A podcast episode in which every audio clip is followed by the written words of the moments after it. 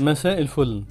عمنا محمود السعدني الكاتب الساخر بيقول عن نفسه العبد لله والحمد لله يعشق أكل البيت ولأنني من هواة أكل البيت فقد تفننت الحاجة أم مكرم في تقديم الأصناف التي أعشقها ملوخية يوميا في الصيف.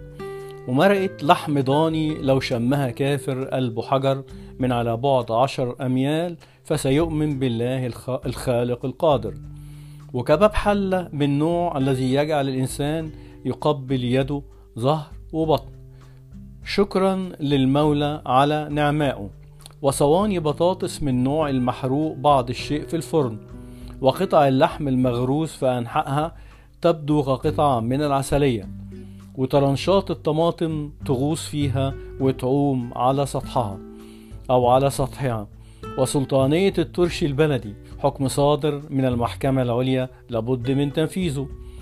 ترشي فلفل وخيار ولفت بلدي وليمون وبنزهير أصلي وعروش كرنب. اللهم صل على سيدنا النبي.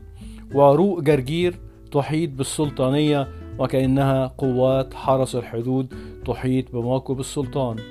عمنا محمود السعدني في كتاب وداعا للطواجن. وداعا للطواجن. بذمتكم محدش جاع منكم. نهاركم فل ورمضان كريم. وشكرا لكم. وإلى اللقاء في حلقه قادمه في حلقة قادمة إن شاء الله.